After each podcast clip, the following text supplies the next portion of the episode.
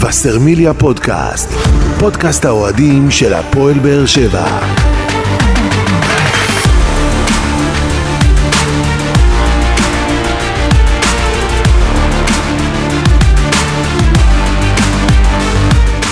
שלום לכם וברוכים הבאים לבשרמיליה פודקאסט. פרק 76 בסדרת פודקאסטים שמלווה את הפועל באר שבע לאורך העונה ותנסה להתמקד בנושאים שאתם, אוהדי הקבוצה, תעלו בפנינו בפלטפורמות השונות. אנחנו פותחים את הפרק הזה שוב, אחרי ניצחון של הפועל באר שבע, ניצחון רביעי ברציפות. כמה יעמיק. ואנחנו כמובן אה, נסכם את הניצחון הזה באיצטדיון טוטו טרנר בשעה פסטורלית ביום שבת. כן, גדעון, ת, ת, ת, ת, תכין את עצמך, תכין את עצמך. הוא כבר מתכונן לכניסה שלו לפאנל הזה, אז בואו נציג את החברים שלנו כאן בפרק. אהלן גדעון אסולין. אהלן, אהלן, ערב טוב. ושלום שלום לעוזי ניסים, ישראל היום. אהלן, ערב טוב. יאללה, חזרת אלינו? תמיד הייתי. אחרי תקופה ממושכת של שני פרקים. רציתי. לראות שאתם מסתדרים, אבל אה, לא הלך לכם כל כך. אז גדעון פה, אה, אתה יודע, מחכה לרגע שניתן לו ככה להוציא. יאללה, את מה גדעון. שהוא רוצה להוציא. מה שנקרא, על התקופה האחרונה בכבוד. של הפועל באר שבע, אבל נגיד, הפועל באר שבע בשבת האחרונה אירחה את uh, מכבי בני ריינה באיצטדיון טוטו טרנר, שעה שלוש, יום שבת, ראינו מאות ילדים שהגיעו עם ההורים, ראינו משפחות, uh, יותר נכון מי שלא שמר שבת, אני שמרתי שבת, אבל מי שהיה באיצטדיון ראה שהאיצטדיון היה מלא בדור uh, צעיר וחדש, שאולי נרוויח אותו גם בשנים הבאות. ככה ילדים צעירים שמתחברים לפועל באר שבע, ככה מגיעים עם ההורים והכל. אז uh, עם החיזוק הזה ביציאה של הפועל באר שבע, אליניב ברדה והשחקנים מוציאים ניצחון רביעי ברציפות, ו-4-2. שוב, כובשים, uh, כובשים בצרורות, מה שנקרא, ומביאים את הניצחון הזה אחרי תקופה ש... ובצמדים, לא רק בצרורות. כן, לגמרי. אחרי תקופה שהפועל באר שבע, אה, דיברנו עליה, תקופה קשה, אליניב ברדה ממשיך בדרך הזאת, הוציא אותנו מהמצב שבו היינו, ועכשיו אנחנו במקום אחר לגמרי. כן, אתה יודע, זה הזיה לחשוב שאנחנו מדברים על אותה עונה. אה, אנחנו רק דיברנו על אה, חודש נובמבר, או אתה יודע, אפילו תחילת דצמבר, שהקבוצה הייתה נראית חושך מצרים. לא ראינו מאיפה אנחנו הולכים, באמת, כאילו, התחלנו לדבר ב, על, על ירידת ליגה, התחלנו לדבר על מאבקי תחתית, דיברנו על זה שלאליניב ברדה אין את הכלים, דיברנו על זה שאליניב ברדה איבד את הדרך, דיברנו על זה שהקבוצה מבוגרת, שאין כימיה, על מה עובדים באימונים, עייפות, פציעות, הכושר לא ראוי, הסקאוטינג לא ראוי, והיום, אתה יודע, לא, לא נגיד שהכל ורוד, כי אנחנו עדיין לא מושלמים, אבל בהחלט אנחנו הקבוצה, נכון להיום, הכי שמחה בליגה, הכי משוחררת בליגה, ביטחון עצמי בשמיים. הרבה מאוד שחקנים נכנסו פתאום לעניינים, אם זה, ב, אם זה בגולים, אם זה בבישולים, אם זה ב, ב, להיות חלק אינטגרלי מה, מהקבוצה, אה, מרגישים משוחררים, משחק קבוצתי, מעבר לגולים, אתה יודע מה? בוא, בוא, לא, בוא לא נבדיל, קודם כל נתייחס לכמות גולים, כי זה כמות גולים מטורפת. אם אני עושה קאט עכשיו רק על החודש האחרון, אני חושב שגם בעונות האליפות לא ראינו אה, מאזן כזה של שערים. אה, כל משחק, אתה יודע, זה, זה רביעייה, זה שלישייה, זה, זה, זה... באמת, אנחנו רואים כאן משחק אחרי משחק. 17 שערים בחמישה משחקים להפועל באר שבע. מטורף. נתון מטורף. מטורף. ו...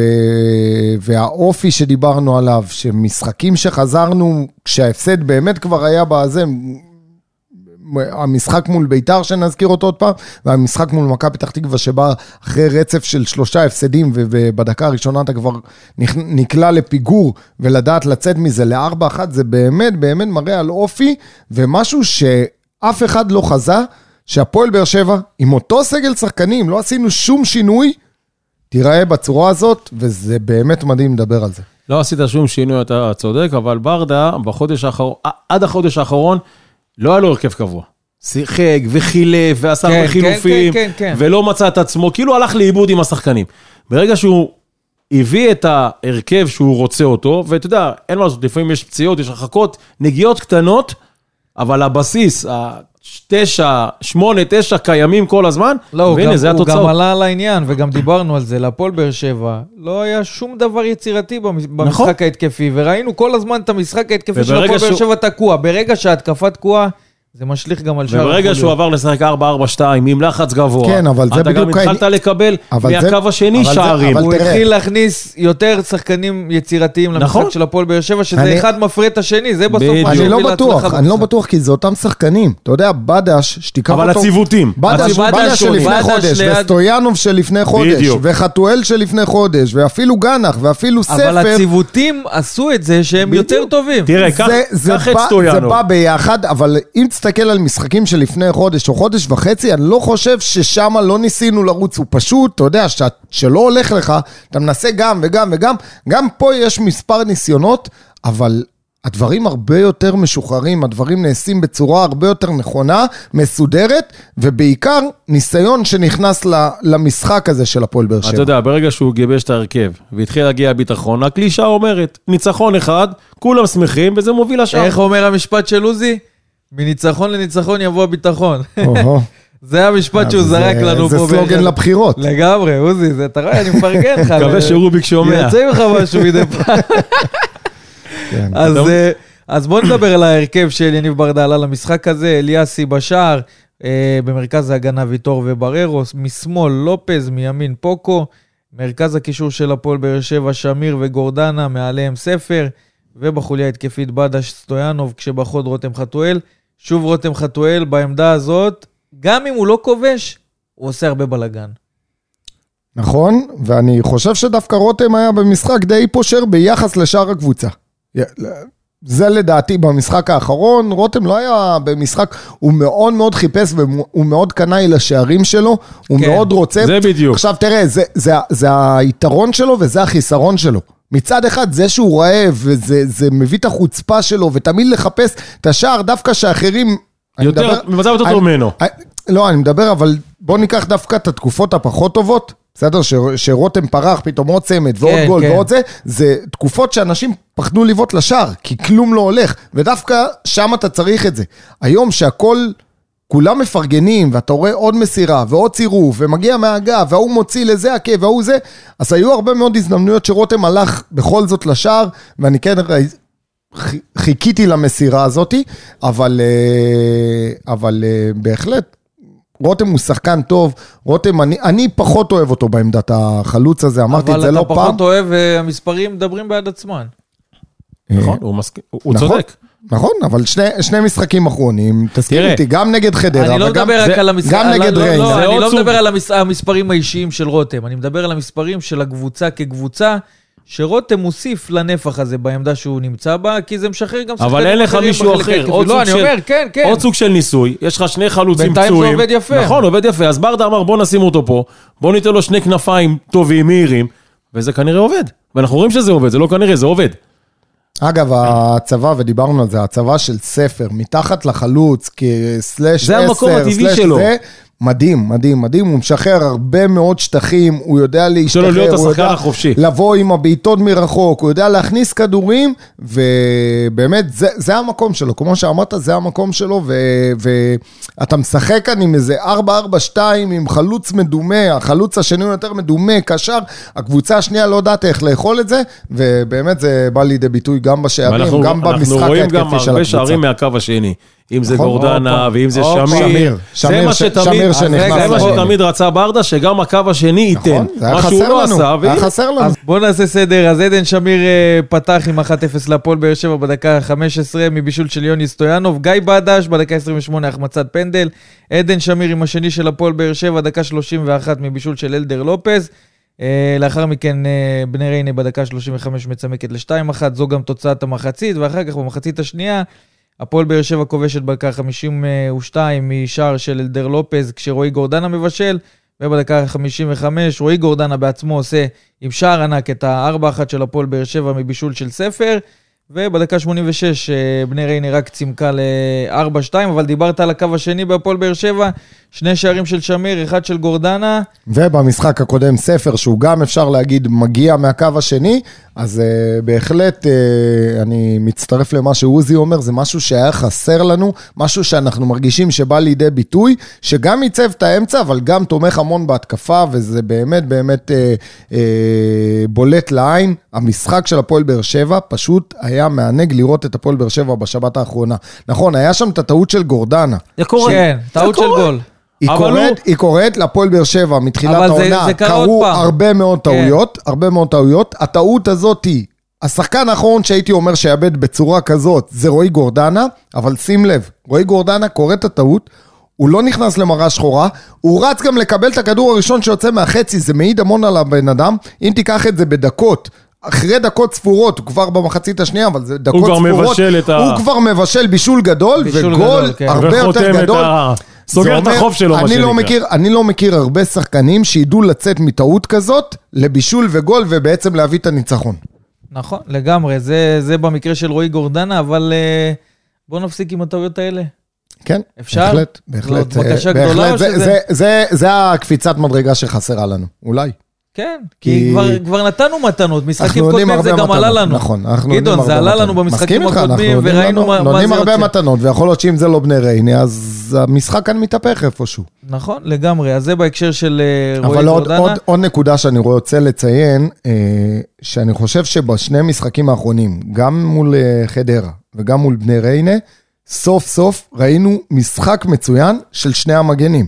מול חדרה זה היה פוקו בצד ימין והראל שלום בצד שמאל. כן. מול ריינה, פוקו ממשיך ביכולת מטורפת בתור מגן ימני, ואנדר לופז באחד המשחקים הגדולים שלו שאני זוכר בהפועל אחרי באר תקופה שבע. חלשה שלו, הוא פתאום... אתה- שגם עם הגול, גם הבישול, אתה יודע, מקודם הזכרת את הגול עם הנגיחה של אה, של, שמיר. אה, שמיר, שבוא נתייחס לזה שאנחנו גם נהנים מהבישולים. מגולים- אנחנו, וואי, אנחנו נהנים מגולים יפים. אז אתה יודע, זה לא... יש רביעייה של גולים... זה גול של- ברזילאי.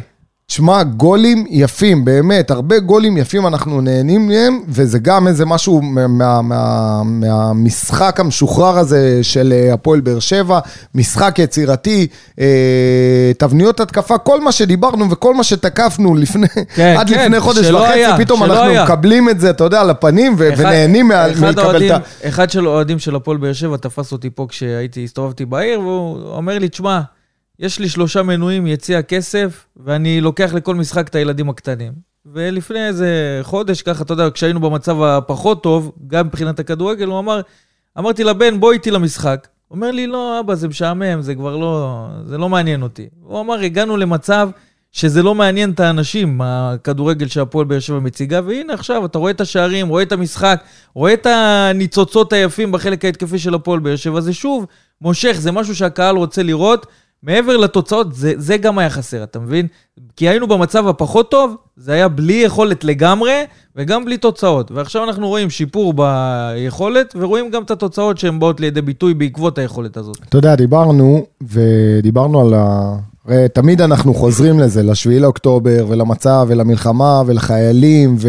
ואמרנו אנחנו, אם אני מסתכל ככה ב... ב... בראייה הסובייקטיבית שלנו כאוהדי הפועל באר שבע, מה שנותן לנו את האסקפיזם הקטן הזה, זה הפועל באר שבע. זה שאנחנו פתאום מקליטים פודקאסט, זה שהאוהדים צמאים לשמוע משהו אחר שהוא לא חדשות, לא חיילים הרוגים, לא פצועים, ולצערנו גם זה המקום.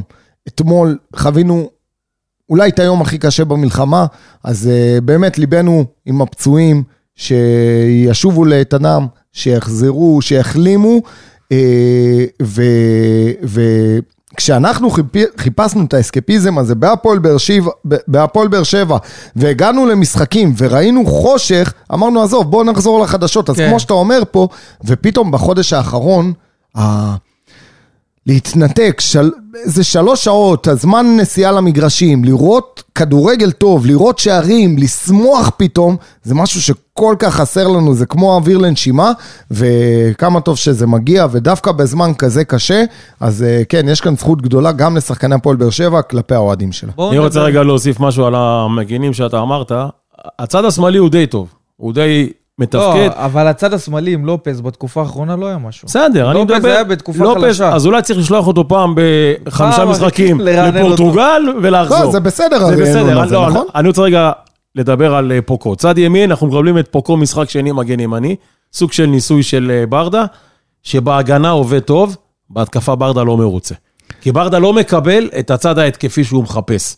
אם הוא קיבל את זה אצל יחזקאל, והוא קיבל את זה אצל דדיה שהיה לו, אין לו את זה אצל פוקו, וזה מה שגורם לו ויגרום לו להביא בחלון הנוכחי שנפתח איך מחר, הוא מקדם אותנו. מגן ימני. תראה, קודם כל הוא יביא, הוא יביא מגן ימני כדי להרוויח את פוקו ברגעים שהוא יצטרך גם כקשר נכון. אמצעי. אני חושב בדיוק. שכל עוד יש לך את גורדנה, ויש לך את אליה שעוד לא הזכרנו אותו שהוא חוזר לעניינים, ויש לך את, אה, ואת שמיר, ויש לך אמצע שהתייצב. ופוקו נותן לך איזה אי של יציבות, גם, אבל נכון, אם פוקו נכון, היה- זה בא, זה בא על חשבון קצת ה... בדיוק, הצד ההתקפי שלו. הצד ההתקפי, אבל איך, איך בודה ענה לי שבוע שעבר וזה היה יפה, הוא אמר לי, תשמע, כל עוד אני נותן ארבע, נותן שלוש, נותן שתיים, אני מרוצה, לא חסר אתה לי. צודק, נכון. לא חסר לי. עכשיו, אבל קח ברדה בחשבון, רוצה שלמות. קח בחשבון ברדה גם... רוצה שהכל יעבוד. שהמכונה... זה נכון, וזה- אמרתי וזה לו טוב. טוב, אבל אמרתי לו את זה כשהוא התלונן, שאין חלוץ, אין חלוץ. אמרתי, לא, אמרתי שחסר לי נוכחות של חלוץ, טבעי, ברחבה, אתה יודע, בנוסף אם- לכל מה שקורה. אם בנוסף, עוד מישהו את שייקח. תשומת אם לב. פוקו היה עושה את אותו תהליך שעשה יחזקאל, היית יכול להגיד מגן ימני סגור, תמשיך איתו, נדבר בקיץ. אבל אני- אין לו את אני אגיד לך הכישורים יותר. מזה, אני אגיד לך יותר מזה, אתה מכשיר לא אותו, אתה. מכשיר אותו דווקא למשחקים, לאתגרים היותר קשים. ולמרות- מכבי תל אביב, מכבי חיפה, אני אשמח שיהיה לי אחד, כן. שאולי פחות יתמוך בהתקפה, אבל אני יודע שהוא כן, יסגור כן. לי טוב, והוא יהיה אחראי, והוא יהיה... יהיה ואולי אתה פיזי. תעדיף אותו במרכז. יכול כ- להיות, יכול להיות, זה מה שאמרתי. כל עוד האמצע... כמחלץ כדורים מספר כן, אבל אחד. כל עוד, כל עוד האמצע שלי הוא, הוא באמת, אתה רואה את האמצע, הוא, הוא התייצב לנו. אי אפשר נכון. לה- לה- להתכחש לזה. קיבלנו את הפועל חיפה עד לפני זה, נתנו להם ארבע חתיכות, וביטלנו אותם לגמרי, אחת הקבוצות היותר אה, אה, מסוכנות העונה. גם ריינה, אגב, אמנם היא בתקופה לא טובה, אבל ריינה עושה... פתחה את צרות- העונה מצוין, פלייאוף עליון. עושה צרות. מה שאמר ו- פה עוזי זה גם בא לידי ביטוי במפה החמה. אם אני מסתכל על אלדר לופס, אתה רואה שזה מתפצל יפה, הגנה, התקפה, אה, בצורה יפה. וכשאני מסתכל על פוקו, אז המפה החמה זה עד קו האמצע. עד קו האמצע. פחות או יותר. כן, אבל נכון, אתם שוכחים. גם עוד משהו אחד. פוקו, רוב שלבי המשחק, שיחק עם בדש. שבדש, עם כמה זה שהוא, שהוא יצירתי, הוא פחות דומיננטי על הקו. אבל פוקו בנבחרת גם בוא נשחק מגן לא, ימני. רגע, אתה אבל? לופז, לופז במשחק הזה קיבל את יוני סטויאנוב. יוני במשחק, במשחק עוד מעט נתייחס אליו. למה אתה במ- מדליק אותנו? למה אתה... אל תטריף את רבי, אל תטריף את רבי. אני לא יודע יוהן אם זה יוהן- סטויאנוב, לא יודע. אם זה יוני סטויאנוב. אחי, או מליקסון שם שהתחפש ל... אבל תקשיב, הוא היה במשחק מטורף. נתן שם, על- רוב המשחק הוא שיחק על קו שמאל, אחרי זה הוא הוסט לימין, ואגב, הוא גם משם הוא הביא כמה... אה, בא לידי ביטוי. אז... אה, לופז, שהוא גם מכיר את העמדה הזאת והיא טבעית לו, והוא גם אוהב לצאת קדימה, בואו נדבר על זה ככה, אז היה קל לו עם שחקן שסוחף כן. על הקו. אה, לעומת בדש, שהוא יותר אוהב לקבל את הכדור לרגל, אתה יודע, להסיט אותו ימינה, להסיט שמאלה, להכניס את הכדורים החכמים האלה, אה, לעשות עוד איזה דריבל, אז אה, נראה לי שזה גם משפיע איפשהו על ההצטרפות של המגן ועל השטף שאתה רואה בצד ימין או בצד שמאל. לגמרי. בואו נדבר על עדן שמיר, משחקים לא טובים, המשחקים הקודמים. משחק כזה, שני שערים, היה נכון. לא רע בכלל.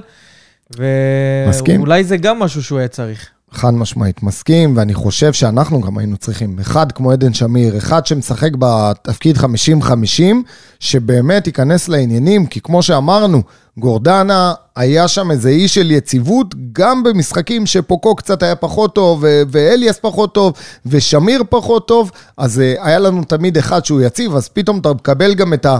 Uh, לא רק את השש, גם את השמונה שמעליו, משחקים בצורה טובה, uh, ובאמת אתה שולט באמצע בצורה מלאה, וכל המשחק היה בשליטה של הפועל באר שבע. הגולים שחטפנו זה גולים שהפועל באר שבע הביאה על עצמה, ולא... לא, ש... לא כן. שריינה סיכנה אותנו יותר. תראה, אין ספק שעדן שמיר ניצל את ה- את ה- את הצ'אנס שהוא קיבל. אלס היה פצוע, פוקו ירד לאגף ימין. עכשיו, ברגע שאתה משחק בקו 4, אז יש לך את גורדנה שהוא בהרכב, לא יעזור כלום. אז יש או אליאס או שמיר. נכון. שמיר קיבל את זה בשני המשחקים האחרונים, ורץ עם זה, לקח את זה בשתי ידיים. לא, אני מסכים איתך, אני מסכים איתך. אני אומר שאני, שלנו, וגם לו זה גם ייתן את הביטחון להמשיך הלאה חד עם זה. משמעית, זה מה שאני אומר. עדן שמיר, לנו היה כל כך חשוב שייכנס לעניינים, נכון. אחרי פציעה אה, קשה שהוא עבר, ואחרי היעדרות ממושכת, והוא בדיוק. חוזר לעניינים בתקופה שהיא גם ככה בעייתית לכולם, ורואים שלקח לו זמן, ו... והוא גם אחד כזה שנותן את הקו השני בטוח- לברדה, מה שאליאס לא נותן. נכון, הוא נותן בדיוק. הרבה יותר. אני, אגב, אגב, ההצלחה הזאת של הקבוצה וההתייצבות הזאת של, אה, של אה, גורדנה, דווקא ב, ב, בעמדת 6, בסדר? כי אם אנחנו זוכרים את המשולש, אז אני חושב ששמיר, אה, אה, סליחה, אליאס היה יותר השש שנה כן. שעברה, גורדנה היה מעליו, ושמיר היה, אתה יודע, איפשהו העשר כזה. וזה שגורדנה התייצב בעמדת 6, ושמיר עכשיו מתחיל להיכנס לעניינים, אתה רואה שדווקא אליאס, שהוא נכנס, זה תמיד ניסוי כלים כזה, תהיה לי כנף שמאל, תהיה. תהיה מתחת לחלוץ, תהיה, במקומות שהוא לא זה, זה כאילו בא על חשבונו, אבל אין מה לעשות, זה הכדורגל. ברגע שמישהו נכנס למשבצת, והוא, והוא נותן את התפוקה, אז... אה, ואל תשכח שגם בריירו פינה במרכאות את המשבצת של האמצע, ירד נכון. לעמדת הבלם, עושה עבודה מעולה. כן. אתה מבין? אז פתאום יש לברדה יותר אופציות. אם זה למ- בהגנה, אם זה ב- ב- ב- גם, בקישור. גם בררו, אגב, חוזר לעצמו, אם הזכרנו את עדן שמיר, אני גם חושב שבררו היה הצל של עצמו מתחילת העונה. כן, זה לא היה אותו אולי הוא. צריך להיות בלם. הוא עושה שם משחקים טובים, אתה לא מרגיש אותו, לא זה טעויות, נכון. לא כלום, עושה את העבודה. זה נכון, אה, כן, כן. והוא עבד טוב גם עם טיבי, וכמובן אז עם תן לך ויטור. את האישור, גדעון. לא, אני אגיד לך- כן, כן, כזה, זה זהו, כאילו יש. משהו. לא, אני אגיד לך למה, אני אגיד לך למה אני מהסס בתשובה שלי, כי אחרי הת- התצוגות של טיבי, אני כן הייתי רוצה לתת לו את הקרדיט, כי באמת, טיבי כאן, אתה יודע מה, אני... אני לא הורדתי- הרגשת אני- שוויתור חסר. אה, בדיוק. אני הורדתי את הכובע זה- בפניו, כי מאוד פחדתי מהחיסרון של ויטור. זה בא לנו בתקופה כן, לא טובה. אבל לשם כך טיבי נשאר בהפועל באר שבע. כן, אבל, אתה לא, אבל אף, אחד. אף אחד לא ציפה שהוא, אתה יודע, בכושר הנוכחי שלו, בגיל שלו. וברצף יניב- המשחקים שהיה לך. ברצף המשחקים, פתאום, אז אתה אתה יודע, אומר מאפס, שנכון לעכשיו, פתאום מאפס אם למאה. אני יניב- מפרשן אותך נכון, ואני אוהב לפרשן אני, חולה על המילים שהוא מכניס לי הוא לפה, אומר כן. כאילו משחק הבא טיבי במקום בררו. אז זהו, לא, אז, אז רגע, לא, רגע, רגע, אז, מה שהוא אז. רגע, רגע, רגע, כי הוא רוצה לפרגן לא. זה בדיוק ההיסוס שלי היה, כי אני אומר שכן היה מקום לפרגן לטיבי, מצד שני, אם אתה שם את ויטור וטיבי, זה כבר הופך את זה להגנה, אני לא יודע, היא קצת איטית מדי וקצת מבוגרת מדי, אתה מבין? אתה צריך את התזוזתי, את הזה הגנה מבית את, משען. המ, את המטאטא הזה ליד אה, ויטור. ולכן הוא שם את בררו, פעם את אבו עביד, אז אה, בררו כרגע בהחלט אה, לידם הוא עושה את העבודה. סמן וי על. בררו, סמן וי. יש? יש קיבלנו. אישור. בוא נדבר על השחקן של המשחק הזה, ומי שנבחר לשחקן המצטיין במשחק על ידי אוהדי הפועל באר שבע עם אלפי הצבעות. יוני יוני סטויאנוב. יוהאן שתחילת העונה, אתה זוכר כמה ציפייה הייתה פה בהפועל באר שבע? לא, תחילת העונה הוא התחיל טוב, רגע, במחנה. אבל הייתה ציפייה... במחנה היה מצוין. במחנה הוא היה מצוין. ובאימון הפתיחה עם הקהל, פתאום כולם מצפים, וסטויאנוב, אחרי מה שהוא נתן בנס ציונה, שזאת העונה של יוני סטויאנוב. נכון.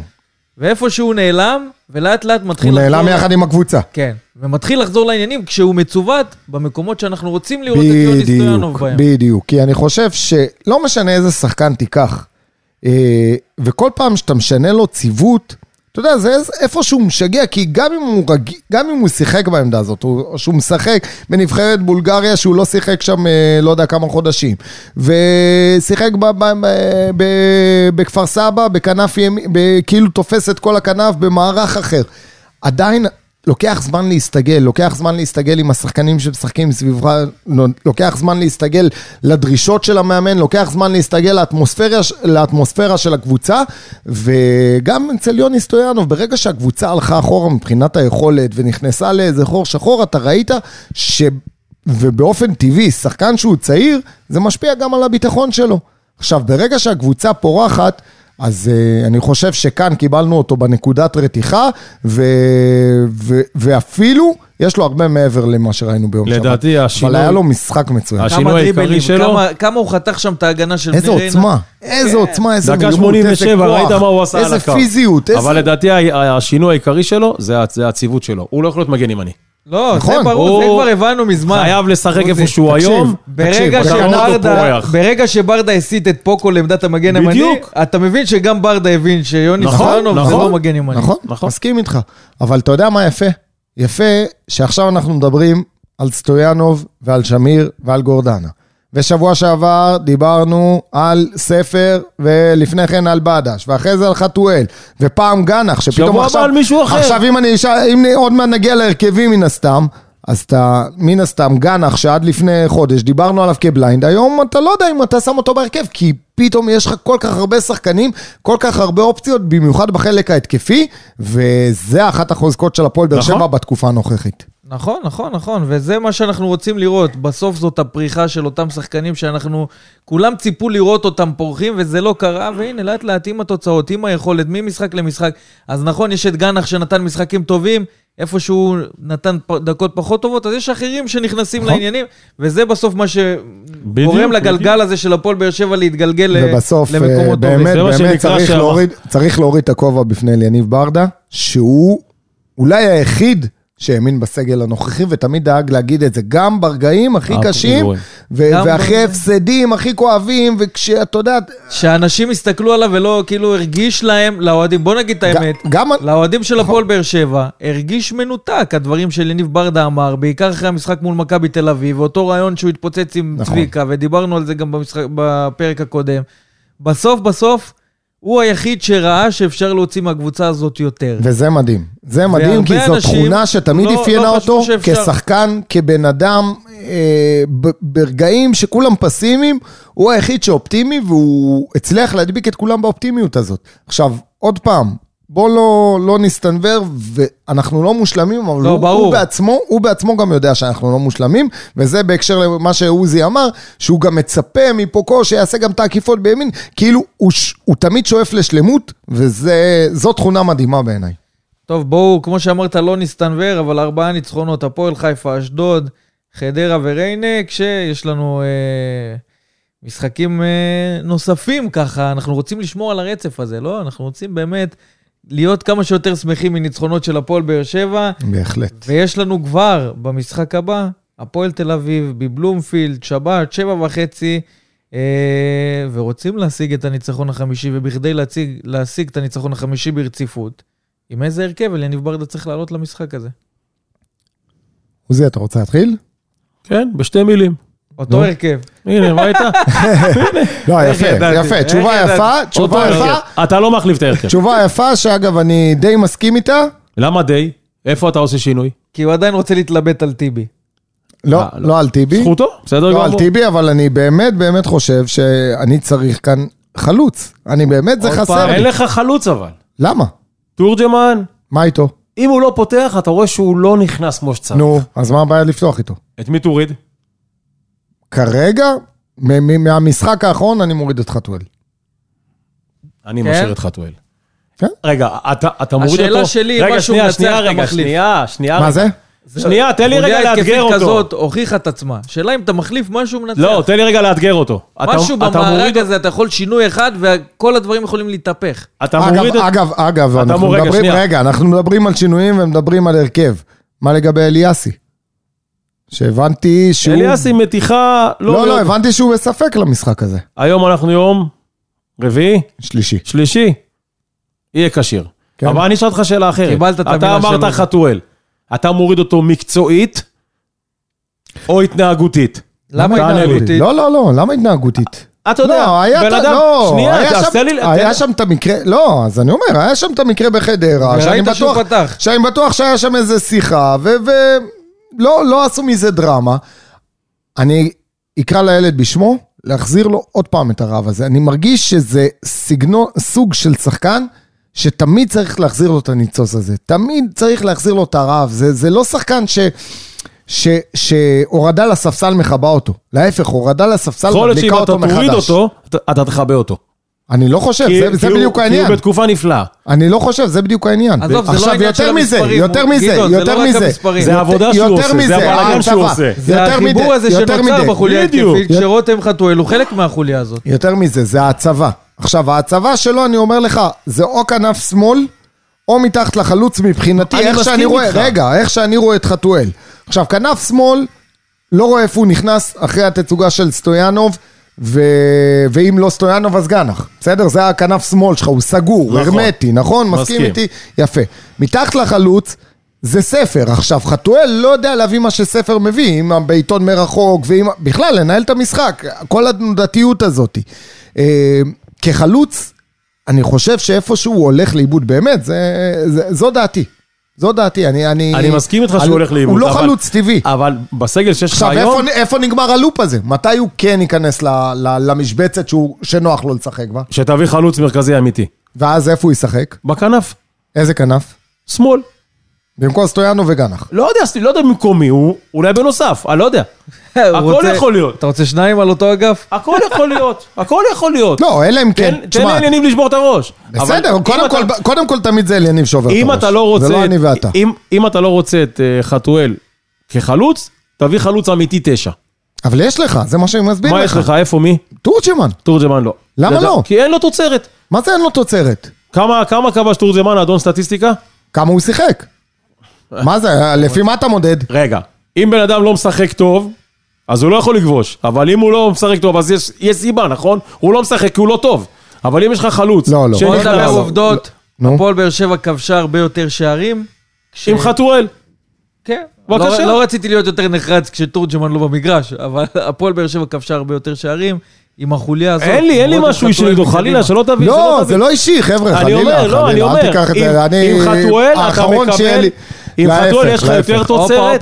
אתה מקבל הייתה לנו תוצרת. פה שיחה בהפתעה, בואו נעלה את ה...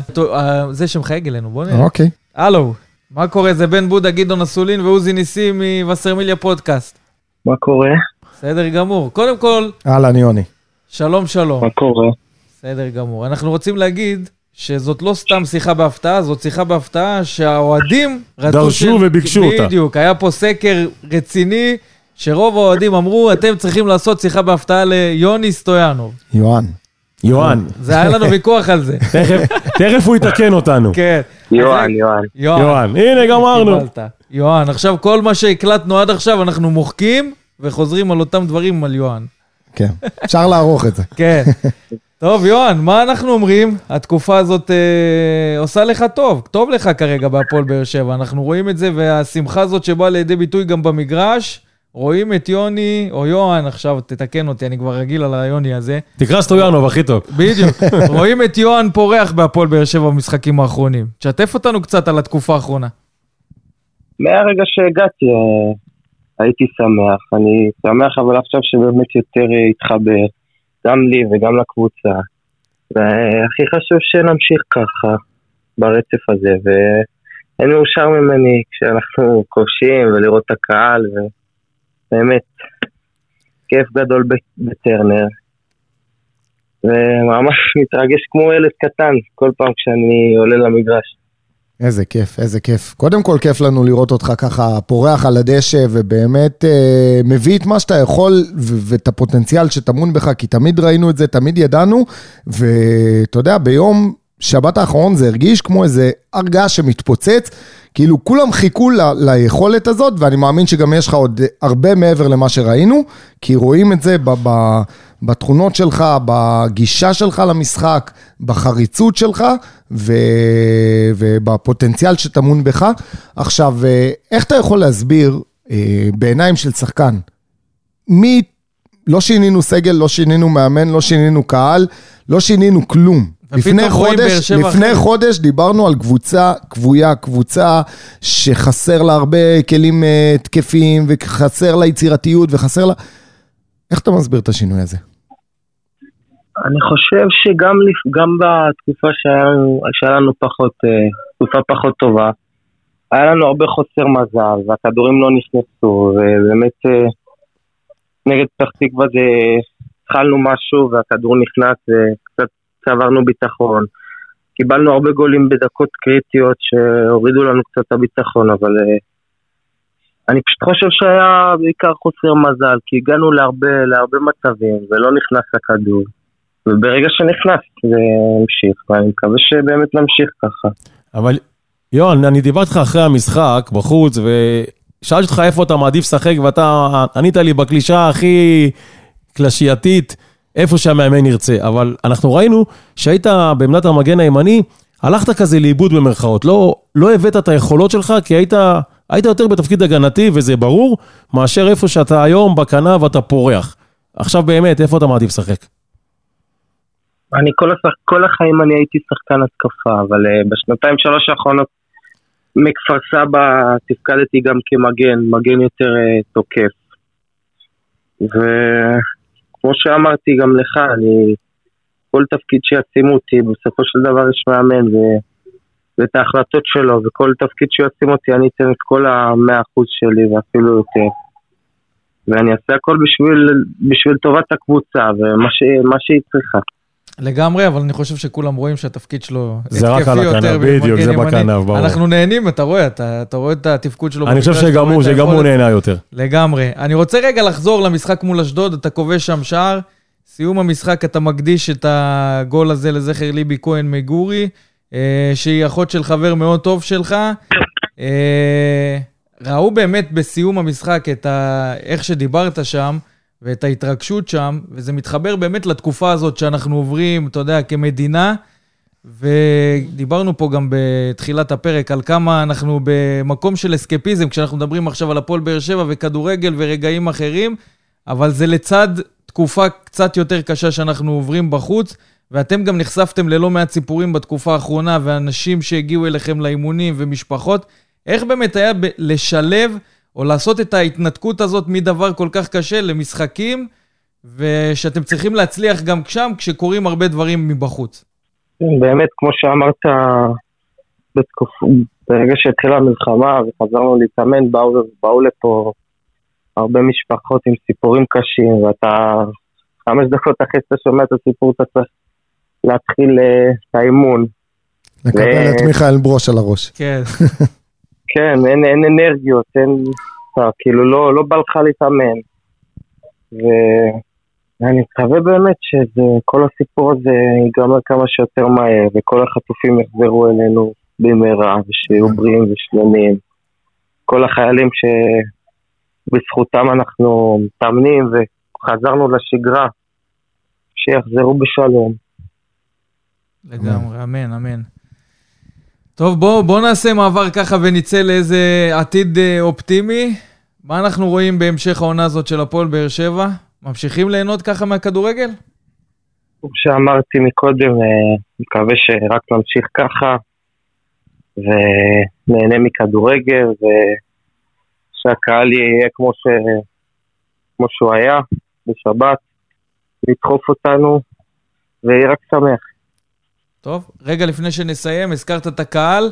תחילת העונה ראינו את הציפיות ואת כמה שהם מחבקים ומרימים אותך על הכתפיים באימון הפתיחה, ובאמת הקהל של הפועל באר שבע רוצה לראות את יוני סטויאנוב, יוהן סטויאנוב, עוד פעם נתקע לי היוני. לא, לא, זה בסדר, זה מצליח בהפועל באר שבע, אתה כן, מרגיש... גם יוני זה מתקבל. שחררת פה עכשיו פקק. אתה רואה? זהו, זהו, קיבלתי אישור, הוריד אותי לקרקע. עכשיו אתה מרגיש את החיבוק הזה של הקהל, שפתאום אה, הדברים ככה מתחברים? מאז שחתמתי אני מרגיש את הקהל אוהב וחם, וכל מקום שאני הולך לעיר תמיד מפרגנים ואוהבים, וזה באמת מרגיש בבית מהרגע הראשון שאני כאן, וזה באמת הרבה יותר נוח להגיע ככה למגרש עם uh, כזאת תמיכה, ואני מקווה להחזיר להם. יאללה, אמן. מקווה ומאמין שאני אחזיר להם. אנחנו מקווים ומצפים ומאחלים לך שבאמת תמשיך ביכולת הזאת, תלך ותשתפר, שנהנה ממך כמה שיותר uh, כאן במשחקים של הפועל באר שבע, נאחל לך בישולים, שערים, תקרא את המספרים, מה שנקרא. לחגוג על הדשא. כן, לגמרי. יוני, יוהן סטויאנוב, תודה רבה שהיית איתנו, המון הצלחה בהמשך. ערב טוב. זה היה יוהן סטויאנוב. זה היה שיחה שהפתיעו אותך.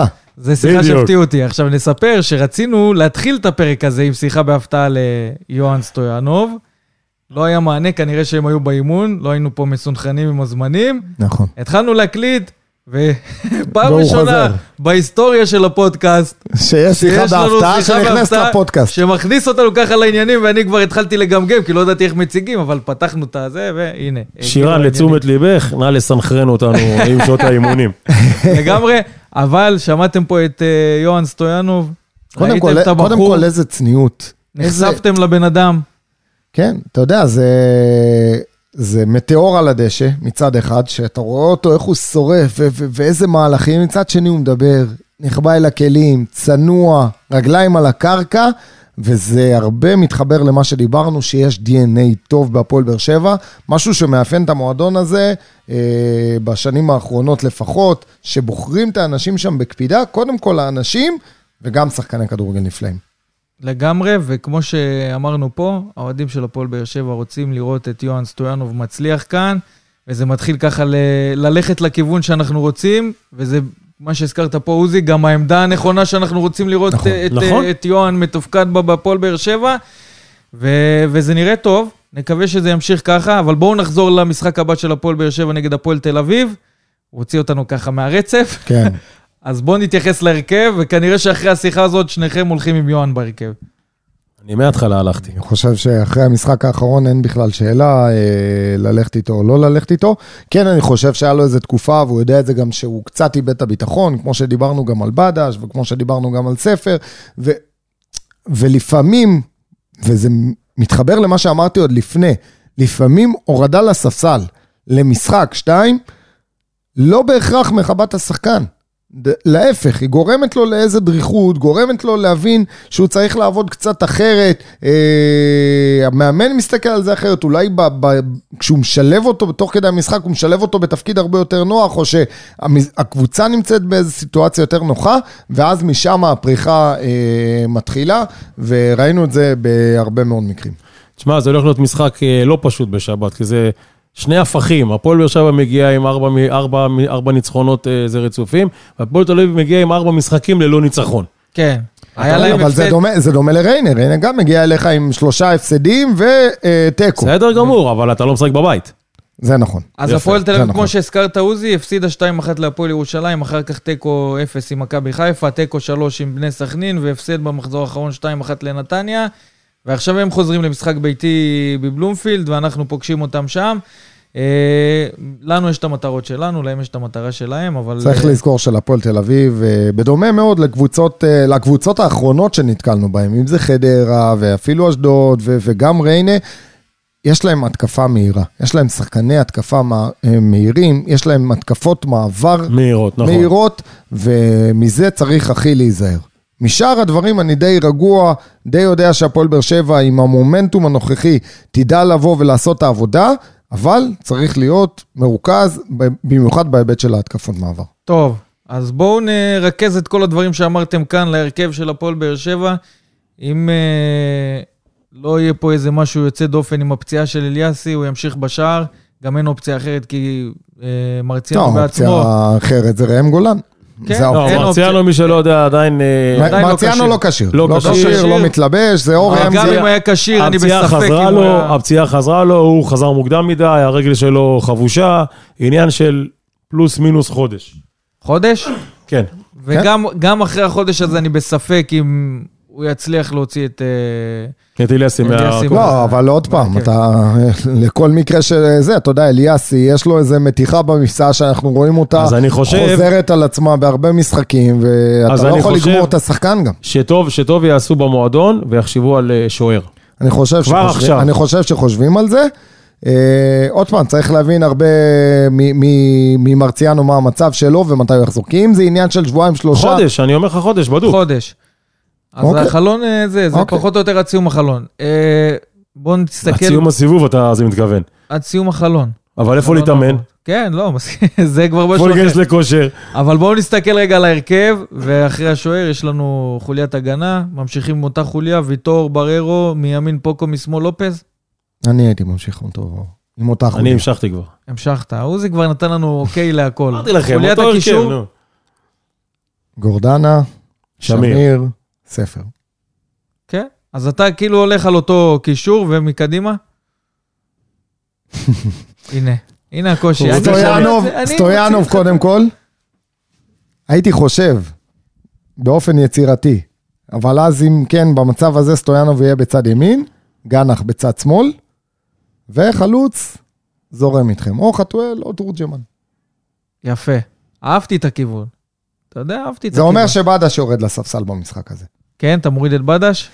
לא על סמך הזה, כי בסוף תסתכל על זה, הוא כן נהיה דומיננטי וכן הוא, הוא מביא את המספרים, אבל ב- בשביל הרוטציה. אתה לא, אתה לא יכול לכבות גם את האחרים. אתה צריך להרגיש שהקבוצה רצה, אתה צריך להרוויח את כולם. ולכל כן. המתחרים שלי בתחנה, תקשיבו לגדעון. כן, אני תקשיבו. לגדעון, אה, כי אתה רוצה לבלבל את האויב, מה שנקרא. עוזי פה בשילוב. ידיים. רגע, הוא עוד פעם מקום. ראשון שני. לא, לא, לא ראשון, אבל הטבלה לא מעודכנת, אז אני לא יודע איזה מקום. עזוב, עזוב. אני אגיד לך מה, אני לך כל פעם, אני כל פעם נכנס לעדכן הרכב, ואז רשום לי, זה כבר נחסם לך אופציה.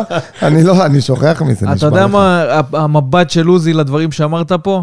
נו, הרכב מנצח, לא מחליפים. שמעת? זה, זה, זה מה ש... בדיוק. כאילו, המבט של עוזי אמר פה הכל. הוא כאילו אוקיי. אומר, מה אתה מחפש את השינוי שים הזה לב, של גם- עכשיו? גם באת, מהמשחק שתוציא, תביא. הקודם, אני אגיד לך גם גם למה. מהמשחק לא, קודם- הקודם, קודם הוא כל- עשה שינוי, רגע, נו, רגע, אוקיי, גם אז נעשה הקודם- שינוי. שני אני שינויים, חושב לא. שבכל משחק, בחודש פעם. האחרון נעשה לפחות שינוי אבל- אחד. אבל לא במש- היה- לא הרכב שרץ. מחדרה ל... לריינה, אוקיי, מה השינויים שהיו? ויטור חזר, לופז. וזה הכל. נו, מי שהיה אז צריך יש- לחזור. מה זה משנה? מה זה אבל- משנה? אבל עכשיו, רגע, אבל עכשיו מה זה כולם משנה? כשירים, זה שני... זה שני... אבל עכשיו הוא אומר, כולם לא שינויים אז אתה. אומר, לא- אז לא רגע, מוצהבים, אז מה לא כלום. אומר- אל אז- תחליף, אל אז תיגע. מה שאתה אומר במילים אחרות, שיש לנו הרכב פותח מובהק בהפועל באר שבע. אמת. שי אליאס הוא לא בהרכב פותח מבחינתך. כרגע לא. כרגע לא, לא, שמיר, בפורמה רגע, טובה. רגע, אז בגלל זה אני אומר. פורמה שאני- של משחק אחד. רגע, רגע, חבר'ה. חבר'ה, חבר'ה, בואו נריץ. בואו נריץ. משחק וחצי עם- בוא- עם צמד. בואו נריץ שני פרקים אחורה. שני פרקים אחורה, לא השתגעתי, עכשיו אמרתי לך חצי שנה. הפועל חיפה. השחקן הראשון שאמרנו שהוא פותח לפני כולם, זה אמיר גנח. עכשיו אני אומר לך, שדברים משתנים, בסדר? דברים משתנים כי עוד שחקנים נכנסו לעניינים. אני מסכים איתך. עכשיו, אני לא חושב ששי אליאס, ב- ביכולות שלו וב, ובתפקוד שלו ו, ומה שהוא יכול לתת, הוא לא שחקן בקליבר של הרכב פותח. נכון? כן? מה, אני לא חושב שהוא... אני חושב שהוא... היום אתה חושב שהוא לא הרכב פותח, שי אליאס? עוד פעם, לא, להפך. אני אומר שהוא שחקן שהוא ראוי בהחלט להיות בהרכב הפותח. עכשיו, כאן אליניב צריך לבוא להיכנס, וזה מה שהוא עושה בלי לשים לב, כי הוא עושה את זה באלגנטיות. כל משחק, הוא עושה איזה שינוי שניים. לא יותר מדי. אבל זה שינוי להשתגע. שניים ש- אסור ש- להשתגע, מה זה משנה? שמחויב. מה זה מחויב? אם- אני מה זה. מחויב? תגדיר מחויב. מחויב. אם ויטור לא היה פצוע ולא היה בפורטוגל, הוא היה משחק. ואם לופז לא היה, לא היה מו- מוצב, הוא היה, הוא היה משחק. זה ספציפית... זה, זה השני השינויים האחרונים. עכשיו, אתה, אוקיי, אתה גם מדבר הזכרת רק- את אתה. מדבר רק על. על אתה גם הזכרת את אה, גנח. בהפועל חיפה, פרפר אותם, נכון. גם היה ממשיך עוד 180 ושיחק- דקות המשחק, היה מפרפר אותם. ופתח במשחק. מאז, אז בסדר, משחק הבא הוא אבל- נעלם. אז מה אני אומר? אז אתה מחדד מה שאני אומר, שלפעמים ההורדה לספסל הזאת, היא משחק יכולה הבא הוא רק... נעלם, אבל הוא פתח בהרכב. פתח ונעלם. אז- כן. הוא פתח כי הוא היה מצוין זה נגד מה הפועל שאומר- חיפה. זה מה שאומר גדעון. זאת אומרת, אם יש אופציה לרענן, להחליף, לעשות אז מדי תעשה מדי את זה פעם פה ושם. רוטציות אבל שתיים. מה אני זה אומר? מה שאומר גדעון, אבל אני כן הפועל זורם חדרה איתך. זה היה הרכב שהוא המשיך איתו, היה מאולץ השינויים שהוא עשה. זה לא משנה, זה לא משנה. זה עדיין, מה זה מאולץ? הוא יכול להגיד, חבר'ה, ויטור עם כל הכבוד, סתם דוגמה, ויטור עם כל הכבוד, טיבי במומנטום אדיר, אני לא רוצה לגעת בו. אין בעיה. בסדר, עם כל הכבוד. סתם דוגמה. או הראל שלום, הראל שלום היה במשחק היה מצוין. בסדר גמור. היה במשחק מצוין, אבל בכל קבוצה יש שחקן שהוא אז הראשון. אני, אז אני, אז, אז אני, מס- לא, רגע, אז אני מסכים איתך בעמדות מסוימות, כי ויטור, נכון. ברור לנו שהוא וגם מובהק. בלופז. ולופז הוא מובהק. תגיד לי, איך. הגענו? ו- ואולי גורדנה הוא סוג של מובהק. מובהק. כל השאר, אני לא בטוח שהם מובהקים. אבל אם אני לוקח כל שני השאר, משחקים, אני לא אם אני לוקח את. שני המשחקים האחרונים, אני לא חושב שבררו הוא מובהק, ואני לא חושב אבל אני ששמיר הוא לוקח מובהק. את שני המשחקים לא האחרונים, ש- אני בתור, אם אני היום בכובע של אה, ברדה, ממשיך עוד משחק עם אותו הרכב. בסדר, אין בעיה. קודם כל זה מה שאמרנו. לא, בסדר גמור, זה הדעה שלך, אני... בסדר. איך הגענו ממצב כזה של אה, לא רואים שום דבר כמעט חיובי, פתאום רבים על צרות של אבל- השירים, תכניס את זה, אתה יודע איך קוראים זה. לזה? כאב ראש בריא. כאב ראש. בריא. זה- אנחנו- וזה המקום של יניב ברדה נמצא בו אנחנו כרגע. תמיד בעניינים של כאב ראש בריא, אבל אם ככה נרד קצת לקרקע, ארבעה ניצחונות על קבוצות שהפועל באר שבע צריכה לנצח, לפחות מבחינת הטייטל של הפועל באר שבע. לא, הפועל חיפה, אני לא לעומת- חושב לעומת שבמומנט... האחרות. בסדר, אבל, אי אפשר- לא, לא, אני, אני מוביל לאנשהו, כן. כן? הפועל באר שבע בסוף, וגם אליניב ברדה יודע את זה, והוא גם אומר את זה, צריכה להתחזק בשחקנים נוספים, ברור. וכבר סימנו כמה עמדות, ואם אנחנו ככה פוזלים לחלון העברות שנפתח אוטוטו כבר מחר, יום רביעי, עשירי לראשון, יהיה פתוח עד השישי בפברואר, מה הפועל באר שבע צריכה להביא, והאם אנחנו באמת נוכל להביא שחקנים שיוכלו לחזק אותנו בתקופת הזמן הזו, כשאנחנו גם במצב של מלחמה. קודם כל חלוץ. קודם כל חלוץ. חלוץ ומגן ימני זה שמה קודם שמדברים כל חלוץ, מגן. ימני, בלם גם הייתי מביא. ו- וזהו, ועכשיו כל השאר, אם אתה נהנה מ- מ- מאנטוניו ספר ומ- ומחזיק ממנו כקשר 10, למרות שאני לא חושב, ה- התפקוד שלו הוא טוב, התפקוד שלו גורם לבלבול, ויצר איזו שיטה מדומה אצל הפועל באר שבע, אבל לצורך העניין, אנטוניו ספר עכשיו לא כשיר, נפצע חלילה, צהובים, אתה נכנס קצת לאיזה לופ כי אין לך שחקן 10. אז אם הפועל באר שבע רוצה אה, לשבור את הכלים, נקרא לזה, אז גם שם הייתי מחפש. אבל קודם כל, זה חלוץ, מגן ימני, בלם. כן? אז, אז קודם כל אני יכול להגיד, אני צריך להגיד לכם עכשיו, עודכנתי הנה בלייב, אליאס יהיה כשיר, אז תהיו רגועים. איזה לא, זה- באמת כדור הרגעה, כי אמרתי מקודם, כאב היית ראש. מבקש, יש פה אקמול, למה אתה צריך כדור הרגעה? אני רואה כאן רק אה, דברים של הרבלייף, אני לא יודע מה. סוכן של לך בן אדם. בלי פרסומות סמויות בבקשה, תודה. רוצים, רוצים שנפרסם אתכם? תנו כסף, הלו. אם אתה מדבר על, אה, על ינואר, שמחר החלון אה, מתחיל להיפתח, אז אה, קודם כל מגן ימני. הערכה שלי וגם הערכה במועדון שזה יהיה אור. דדיה. זה כן. חיזוק? זה לא חיזוק, כי בונים לא על פוקו. חיזוק. בונים על פוקו ויודעים שגם, ש... בונים על פוקו סלאש אור דדיה, יש לך את פליטר, יש לך איפשהו את אה, אבו עביד, אם יש לך לא איפשהו את להסתפק. סטויאנוב, מה זה אין מה להסתפק? לעשות, לא, זה עונה אם- אתה כזאת- רוצה חיזוק או שאתה רוצה זה עונה כזאת? להעביר את מה זה- העונה לא, עם רגע, עם מה שיש? רגע, מה זה חיזוק? אני כרגע, אמרתי את זה גם בהתחלה, אני כרגע מרוצה מהצבה של פוקו. למרות שהתרומה ההתקפית שלו בינתיים לא באה לידי ביטוי. בסדר. וגם, אתה יודע, זה לא שחקן שיש לו את האיכויות להביא תוספת נכון, אין לו את. הדריבלים, אין לו את תראה, המהירות. תראה, גם קורות, אם אתם זוכרים, לא היה שחקן התקפה מטורף, אבל כן ידעתי שיש לי שחקן אחראי ב- בצד שמאל, שחקן הגנה, חכם, רגוע, שיודע לתת ניסיון ו- ו- ומשדר איזה שקט, זה מה שאני מקבל גם מפוקו. אבל אם אתה כבר ופוקו- מביא, ופוקו- מביא אבל מגן בן. ימני, אתה מביא מגן ימני, למה לא תלך על מישהו מה, מגן ימני. פותח? כי המגן ימני? פותח, אבל? בן, בוא, בוא, בוא, בוא כי תסתכל. אני לא חושב שזה מה שהם צריכים. עוד פעם, אתה מונע גם. כתקציב, סלאש הצבת מטרות. אתה בדיוק. אומר, מה אז המטרות אתה שלי, אומר, אתה נביא מה ריאלי. שיש. לא מה לא, שיש. מה זה, למה? אבל הקבוצה טובה עכשיו. לא, מבחינת המגן ימני, כאילו, אני לא בטוח עכשיו, שהיום עכשיו, הפועל באר שבע עכשיו, רוצה להתחזק, אז האופציה הראשונה זה דדיה. עכשיו, לא, לא, מסכים איתך. אל תגבור גם את אור דדיה. לא, אני לא חושב קובר, אני רק אומר, אני אומר שואל, אני חושב שאור. דדיה, אה, במקום הזה, אני לא יודע עכשיו באיזה כושר הוא מגיע, אבל במקום שיחק, הזה... לא סירק לא דקה. לא, אני- בסדר, אבל יכול להיות ש... יכול להיות שייקח לו... אבל אל תשכח שאור דדיה לא לעניין. עזב את המועדון מקצועית. הוא עזב בגלל שהיה לו בעיה מכבי. נכון, נכון. אור דדיה אז הוא יגיע- רצה- הוא רצה עכשיו- להירגע קצת. בדיוק. וזה היה טוב לשני הצדדים. נכון. אתה צריך להסתכל כמו המועדון. שאלה אם- אם המועדון הבעיה עם הקהל נפתרה או לא. נפתרה, שכחו. כן, שכחו. המועדון מסתכל ברמת המקרו, לא כמוך ברמת המיקרו. אליפות לא תיקח השנה. לא יעזור לך כלום. נכון. אתה אומרים את זה להגיע- במועדון? לא יודע אם אומרים, אני אומר את זה. אנחנו- צטט אנחנו. ריאליים. לא, אנחנו ריאליים. אנחנו נכון, יודעים אני ריאלי, שכרגע שלא תיקח אליפות. הפועל נכון. באר שבע לא הפועל באר קבוצה שבע, לאליפות, המטרה כן. שלה השנה זה להגיע לאירופה. אז עם אור, בלי אור, אני מאמין שאתה- שאתה תגיע לאירופה. אז אתה לא צריך עכשיו להשתולל, יכול להיות תעשה נכון. שינויים אחרים. נכון. יכול להיות שאור... זה מה שאני אומר, אתה מביא. בשביל להגיד, לא, רגע, רגע, אבל אתה מביא כדי שיהיה לך עוד אופציה, בן, עכשיו. אני, אני מביא לך דוגמה, הבאת את אלי דסה, בסדר? תזרום איתי. אלי דסה, זה אומר שאתה לוקח עכשיו, איך אמרת לי קודם, הרכב פותח לא מחליפים, אתה לוקח עכשיו שחקנים, כמו פוקו, שחקנים כמו גורדנה, כי זה, אחד יבוא על חשבון השני, ולאט לאט אתה דוחק אותם לספסל, למה? כי הבאת עכשיו מישהו שאתה מחויב לו איפשהו, כי הוא הולך להיות בקליבר של ההרכב הפותח. אז יש כאן גם שיקולים כאלה. אתה אומר, תשמע, מצד אחד אני כן רוצה שבשעת הצורך יהיה לי שם איזה מענה של מישהו טבעי, מישהו שיודע לעשות את התפקיד, מצד שני, מישהו שלא יסחרר לי את כל המערכת שנבנתה פה. עכשיו אני אשאל אותך שאלה אחרת. כן. יגיע היום, והוא יגיע. פוקו לא יודע מה יהיה, אולי ברדה ירצה אותו לאמצע, ייתן לאור דדיה את המגן הימני. אתה חושב שמשחק אחד פחות טוב של אור דדיה, ויהיו פה שינויים לעומת מה שהוא עזב? כי אנחנו יודעים שהוא עזב בגלל אותו עניין, שהוא לא הצליח להרים גם את היכולת שלו בעקבות הביקורות תראה, זה- הנחרצות מהקהל. זה- אז זה השאלה, כבר- זה אם כבר- אתה הולך על אור דדיה, שאתה מחזיר לפה שחקן, שלא הצליח בעקבות הלחץ וכל מה שהיה פה מסביב, וזה החיזוק כאן- שלך כאן- לינואר על העמדה כאן- הזאת. כאן אתה לא כאן ייבחנו- ייבחנו שני דברים, או שלושה דברים. קודם כל, הבגרות של אור דדיה.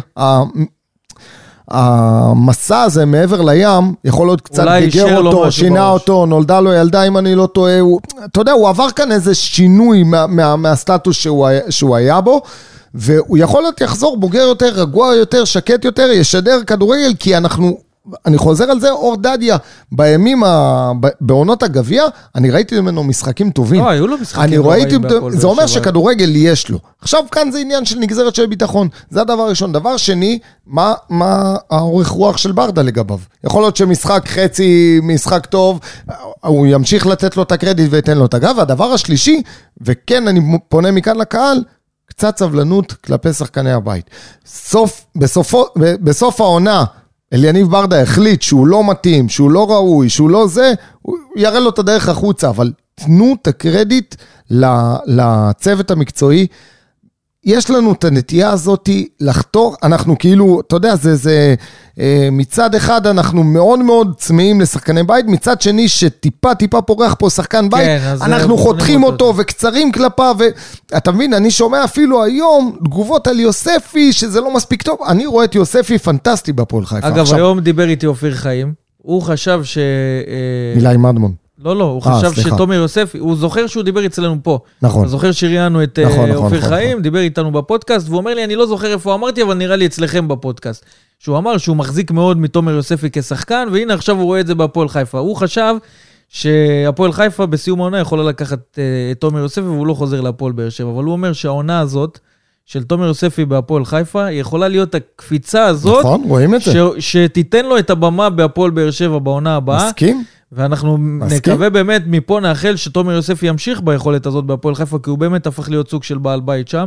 וזה תפקיד, משופשף וזה, תפקיד. וזה תפקיד שבאמת חסר לנו. ועכשיו אני מתחבר לדברים שלך עם אה, אור דדיה. שיכול להיות שהתקופה הזאת שלו שם בסקוטלנד, ככה הרגיע אותו קצת השקט שהוא היה צריך, כי הוא, הוא היה אנחנו צריך יודעים שהכל היה- היה פה נכון. באמוציות, אז יכול להיות מבוי שהשקט סתום. הזה יביא אותו למקום הרבה יותר שלו ורגוע בחזרה שלו לפועל באר שבע, עם הרבה פחות לחץ ועם אה, רצון באמת לעשות את הדברים. הפשוטים כמו שהם. אז זה אבל בעניין אני, של אור אני. גם אה, חושב שאור, אה, אני מקווה שהוא גם יודע והוא גם מבין, שהוא לא מגיע על תקן בלם, אה, מגן ראשון. נכון, ולכן אני אומר, יהיה בדיוק, פחות לחץ. אז זה רבע שעה פה, 20 דקות שם, חצי שעה, אתה מבין, עד שייכנס אבל יהיה לו לכושר. גם את המשחקים שלו, ברור כמו שיהיה לו, שפליטר קיבר. ו- ברגע, ברגע שאתה מקבל אגב, קצת, כש, אגב, סתם שאלה, כשאור דדיה מגיע, וכשהוא יגיע, מה עושים אה, אחד כמו פליטר?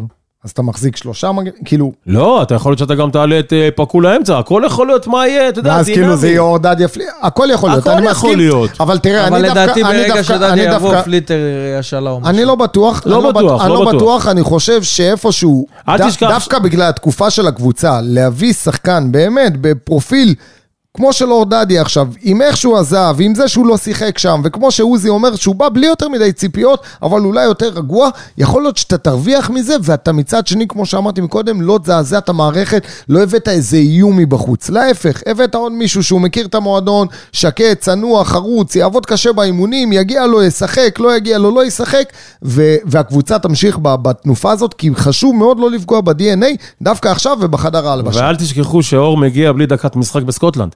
להיכנס לכושר, כן. אימ- אימונים זה לא כושר משחק, לא יעזור כלום. נכון. ייכנס לכושר, ייקח לו זמן להיכנס לכושר, ואחרי זה נראה. נראה לי שזה היה הפרק עם הכי הרבה אור דדיה.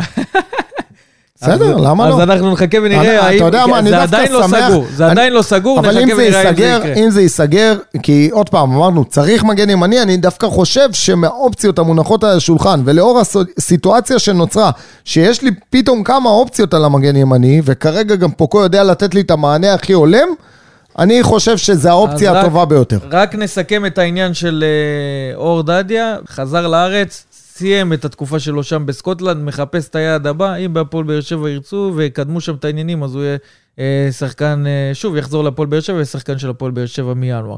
בואו נתייחס לעמדה השנייה, דיברנו על חלוץ, אז אנחנו רואים היום תקשורת אה, רומנית מפרסמת, שאלכסנדרו פופ קיבל הצעה מהפועל באר שבע, הוא גם אישר את הפרטים, אבל... גם עיתונאים שאנחנו מדברים איתם וגם שחקנים רומנים ששיחקו בהפועל באר שבע, שככה יצא לי לדבר איתם היום, אומרים שכרגע זה לפחות לא נראה קרוב. אה, מדובר בחלוץ זה בכלל בן לא קרוב, 23. אני היום דיברתי עם עיתונאי רגע, תן רומני. לי, רגע, תן לי, חלוץ בן 23, אה, עשה את הפריצה שלו העונה, רשם 20 הופעות אה, בליגה הרומנית הראשונה. ועוד שלוש בגביע.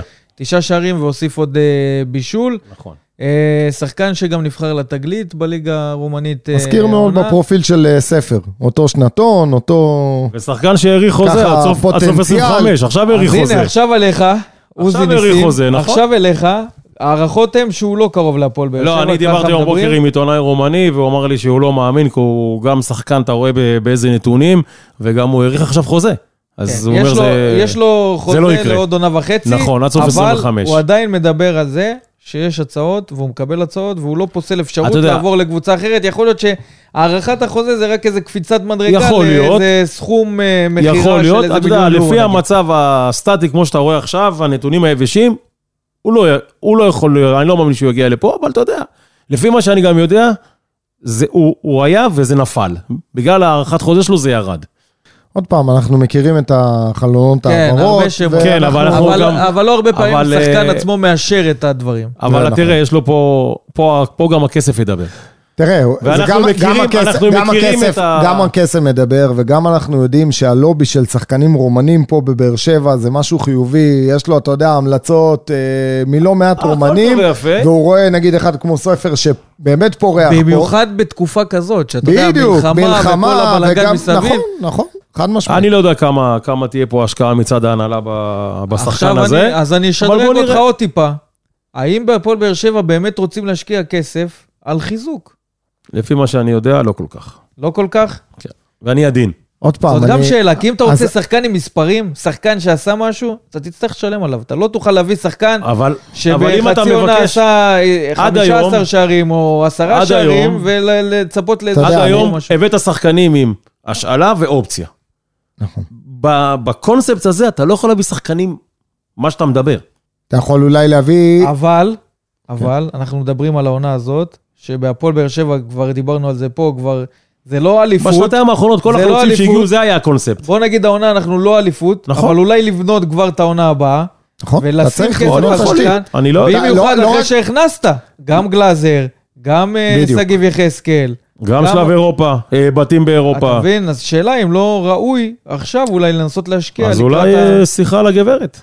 אבל בשורה התחתונה, לפי מה שאתה אומר, הכיוון הוא לא לפתוח את הכיס, זה הכיוון ברמה שאני של יודע. להנחית אה, כן. שחקן בכיר. זה הכיוון שאני יודע. אני, אני דווקא עם בודה בקטע הזה, אני חושב שלהכין תשתית זה יהיה נכון, גם אם, ו, ובאמת אני ריאלי, עזוב, האליפות לא על הפרק. מבחינתי האליפות לא על הפרק, גם זה לא יהיה נכון להלחיץ את המערכת, וחבר'ה, יש לנו יד. אם נגיע לשם בסוף, בפלייאוף, וזה יהיה רלוונטי, ומכבי פתאום יהיה לה איזה צניחה לא צפויה, ואנחנו נמשיך ככה לדבר ברביעיות ושלישיות, ו, ונהיה קבוצה כזאת יצירתית, אז כשנגיע לגשר נחצה אותו. כרגע, אני חושב ש... בוא נדבר על אירופה, כי שחקן, בדיוק, לוקח לו זמן בדיוק. להסתגל. בוא נדבר על העונה הבאה. אה, אתה יודע מה, משהו בקונספט, בקונספט הזה שעשו עם אה, קלימאלה, שהביאו אותו בינואר, עם איזו אופציה כזאת של... אה, של השאלה ואופציה. בדיוק. איתו זה השאלה- פחות עבד, כי ברדה הביא אותו ורצה להכניס אותו לא, אין לעניינים. בעיה, אבל ואז קלימאלה- זה. בפרופיל שלו, ב- ב- לפחות, עוד פעם, הוא לא הביא, שורה תחתונה, הוא לא הביא את השערים צי- שציפינו. זה כן היה שחקן שיכל להצליח פה. אה, אבל משהו בסגנון הזה, משהו של בוא נבנה לשנה הבאה, יכול להיות שזה משהו ש- שייתפס, ואנחנו נהנה מחלוץ כזה כבר העונה. אבל לא משנה מי לא תביא בינואר, תביא חלוץ זר, תביא קשר זר, כל זר שיגיע, חייב סבלנות איתו. חד משמעית. אין מה לעשות, ואנחנו ראינו את זה עם ספר, שבתחילת העונה הוא כבר אבל הוצא. ספר זה לא הסבלנות שלנו. אנחנו הפוך, תחזור פה לפרקים של וסרמיליה פודקאסט. לא מדבר על הסבלנות שלנו. ואנחנו אמרנו אוקיי. 35 דקות של כדורגל, אתה לא יכול להגיד לא שחקן מדבר טוב על או לא טוב. הסבלנות שלנו, מדבר על הסבלנות של וכבר המועדון. אחרי 35 דקות, המועדון מחפש להשיל אותו למ"ס אשדוד, באשדוד אישרו. וניסו, היום- והשילו אותו גם, רצו גם ניסו, וניסו לא רצה אותו, והיום ניסו מצטער. היום אומר ברדה, לא קרה. בסדר, לא קרה, אנחנו יודעים שקרה. אבל מסכים איתך בעניין הסבלנות. חייב, לא יעזור כלום. אבל, אבל, זה, לא רק. אבל זה, לא, זה לא רק מקבלי ההחלטות, כי בסוף יש כאן איזה מעגל, בסדר? של, אה, של אוהדים, מקבלי החלטות, רשתות חברתיות, יש כאן איזה לחץ, אז הסבלנות הזאת גם הרבה פעמים... אבל יש רק כלפי- מאמן אחד. כל כן, הרשתות זה הם נ- הם לא, לא רגע, מאמנים. רגע, זה נכון, זה נכון, אבל גם אנחנו כקהל, הרבה פעמים, אני, אני יכול להגיד לך על כל השחקנים היום שאנחנו מהללים ומשבחים, גורדנה כבר מעבר לשיא, ויטור כבר זקן, איתן טיבי, תסדקו אבל עליו. הנה, עדיין תראה איך מגן, אה, נכון, מסכים לופז לא איתך. מגן, ופתאום סטויאנוב כנראה שעדיין לא בשל, שמענו הכל, בדש לא ראוי, אבל בסוף, בסוף הסבלנות הזאת היא כלפי, נכון, במיוחד כלפי זרים, אבל גם כלפי ישראלים. נכון. גם כלפי ישראלים, מה לעשות? אני לא כל יום בעבודה שלי נותן את אותה תפוקה כמו שנתתי אתמול או שאני אתן מחר. יש ימים שאתה מגיע, ויש מסכים לך... איתך, זה כולם ככה. זה לא הולך, זה לא הולך, ו- והלחץ הזה, במיוחד שאנחנו רוצים כולנו את טובת הקבוצה, הרבה פעמים צריך את הרגיעה. איזה זמן, בסדר, אני לא אומר לכולם, בסוף אחרי, אה, לא יודע מה, ארבעה, שלושה, ארבעה חודשים, אתה כן יכול להגיד, בואנה, השחקן הזה נתן לי משהו, לא נתן לי משהו, ובמיוחד אם הוא באיזה תפקיד התקפי, אז אתה מצפה גם למספרים. אבל אה, סבלנות. מסכים איתך. טוב, אני רוצה לעבור להימורים, אבל... בואנה, לא- הפרק הזה לא ייגמר היום? זהו, זהו, הימורים אז ואנחנו עוד שנייה, מסיימים. לפני שאתה מסיים את הפרק, להזכיר לכולם, ובטח גם לך ולך, יום חמישי, הגרלת אה, גביע המדינה, כל קבוצות ליגת העל בפנים. מתי המשחק? יום חמישי לא, הגרלה. מתי המשחקים? אני מאמין באמצע ינואר, לא יודע מתי, אמצע- אולי תחילת פברואר, לא יודע מתי. עדיין לא, אני אני לא יודע תאריכים. טוב. מה זה אה, משנה? מה זה משנה הגרלה? אנחנו מקבלים את אשדוד, לא? תמיד- אנחנו איתם בסוף. כן. אין בעיה. אז אה, עכשיו נעבור להימורים, ובשביל לא לעשות מנחוס, אפשר לעשות פה יד אחת ולדלג על אה, הפועל תל אביב? או שאתם רוצים להמר בכל זאת? לא, לא הבנתי. לא הבנתי מה, מה, מה זה. אני אומר, בוא נדלג על ההימור מול הפועל תל אביב. למה? ואז על מה אנחנו... כדי לא? לעשות... אני רוצה להמר על כמה שחקנים יגיעו בחלון העברות ולאיזה אה, עמדות. סגור, אה, יאללה, אוקיי. בסדר. השאלה אם. אתם רוצים להמר בכל זאת על. הפועל יאללה, תל יאללה, אביב. בסדר, בוא נשנה, לא, בוא לא, נשנה. לא, לא חייב, לא חייב. בוא יאללה. נשנה. שניים. שניים לאן? מגן ימני וחלוץ. גדעון? הוא מסתכל עליי. רגע, שנייה. הוא חושב. תתעתע. חושב. מגן ימני, אה, אני, אני, אני הולך על שלושה. אני הולך על שלושה, כשבאר שבע תשחרר לדעתי שחקן או שניים, אה, וזה יהיה מגן ימני, חלוץ ובלם. טוב, אז תתקן אותי, כן, כן. תלחץ שמה, לא. מגן- מגן ימני, חלוץ ושוער. הופה. לאט לאט מעלים פה את הרמה. זהו, זה זהו. כמו המכירות של העלייה בבית כן, כנסת. אה? כל אחד נותן, קריאה ראשונה. פעם ראשונה. זהו. פעם- רגע, זכה מכור, אצלך? מכור, מכור. זהו, זכה. אה, אגב, הזכרת בלם. מקסימו לוי התאמן אימון אחד עם הפועל באר שבע, יכול להיות שעכשיו כבר האימון השני באימון הערב. הערב זה האימון השני, כן. האימון השני. ו? ומה? לא יודע. לא? נבדוק, פודקאסט הבא. יאללה, אז בפודקאסט הבא יהיו לנו... והבלם פרטים. של אשדוד היום ביקש להשתחרר והשתחרר. ו? לא יודע. אתה משאיר לנו הרבה סימני שאלה, עוד פעם, כן, הוא עוזי. מעלה פודקאסט כאן. הבא. אנחנו עושים סימני רגע, קריאה. אתה רוצה שהמאזינים שלך ילחצו, נו, תקליטו? הנה, בבקשה. יאללה, אז עוזי עוזי בפרק צריך הבא. להיות מנחה ב... סליחה על השאלה. אתה מכיר את זה? כן, אה? אז בואו נעשה פה רק אה, פרומו לפרק הבא. אז בפרק הבא של וסרמיליה פודקאסט, הפעם. עדכון בלמים. בלמים בנגב. עוזי ניסים, כל הפרטים של ההגנה, מערכת ההגנה של הפועל באר שבע. טוב, אנחנו... כיפת ברזל. אז אנחנו נהיה עם הפרטים באמת, אה, ייפתח החלון, נראה קצת אה, לאן הדברים מתקדמים, ונראה איך, איזה שחקנים יגיעו להפועל באר שבע. יהיה לנו גם יותר פרטים על אה, מקסימון לוי שמתאמן ונבחן, אה, ובאופן כללי נראה איך הדברים מתחברים גם לאליניב עם הרכש שהוא רוצה להביא, והאם זה מסתדר להנהלה. אז באמת בפרק הבא יהיו לנו קצת יותר פרטים שנוכל אה, להרחיב לגביהם. פרק ארוך, אבל אה, הצלחנו לסכם לא מעט דברים, ואנחנו נקווה שבפרק הבא אנחנו נסכם גם ניצחון חמישי של הפועל באר שבע, זאת התקווה השם. וזאת הציפייה. גם הזה, ונקווה, ונקווה שהחיילים ישמרו על עצמם, ושנשמע רק בשורות טובות, זה יותר חשוב. אמן ואמן ואמן. לגמרי, אז גם את הפרק הזה אנחנו נאחל אה, רפואה שלמה והחלמה מהירה לכל החיילים והפצועים. ביניהם עידן עמדי הגדול. לגמרי, ש- מאז- מאז- מצבו התייצב, אה, מצבו בינוני, נאחל התעורר, לו החלמה מדבר. מהירה מכאן. וכמובן, נאחל אה, חזרה מהירה הביתה לכל החטופים, אמן. ביניהם יש גם אוהדים של הפועל באר שבע, אבל זה לא רק, אנחנו במערכה הרבה יותר גדולה, נאחל שכולם יחזרו הביתה בריאים ושלמים. נמשיך כמובן להיות איתכם גם בתקופה הזאת, ביחד עם הפועל באר שבע, אה, בתקווה לימים הרבה יותר טובים, אה, בעיקר במה שקורה מסביב. אנחנו נסיים כאן את פרק 76 של וסרמיליה פודקאסט. בפרק הבא זה פרק 77. תחשבו בינתיים ביניכם לבין עצמכם איזה הפתעות אתם רוצים. אתם יכולים לשתף אותנו גם באינסטגרם, גם בטלגרם אה, וגם בפייסבוק. ורק נאמר שאנחנו עוד בסיכומון קטן של אני- 2023. אני יכול- אני יכול לבקש משהו לפרק 77? כן? שתעשה צמוד בשיער. צמות לא, אבל אולי רותם חתואל. מה איתך?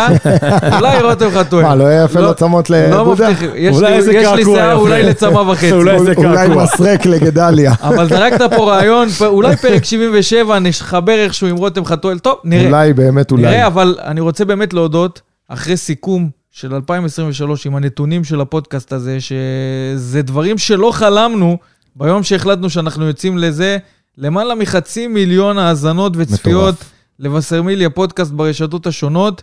ב-30 פרקים ב-2023, 30 מטורף. פרקים בלבד, זה נתונים שלא דמיינו ולא חלמנו, אבל אתם נותנים לנו את הכוח להמשיך, ואנחנו כאן כמובן בשבילכם, ותמיד ניתן לכם את הבמה בכל הרשתות להעלות את הנושאים שאתם רוצים. אז הנה, אנחנו זורקים לכם גם משימה, פרק 77, תכתבו לנו מה אתם רוצים, אנחנו נשתדל אה, לקיים את זה. אנחנו נשתמע בפרק הבא, תודה רבה לגדעון אסולין, תודה רבה לעוזי ניסים ישראל היום, תודה רבה. ערב תודה, שקט. לכולם. נקווה לבשורות טובות.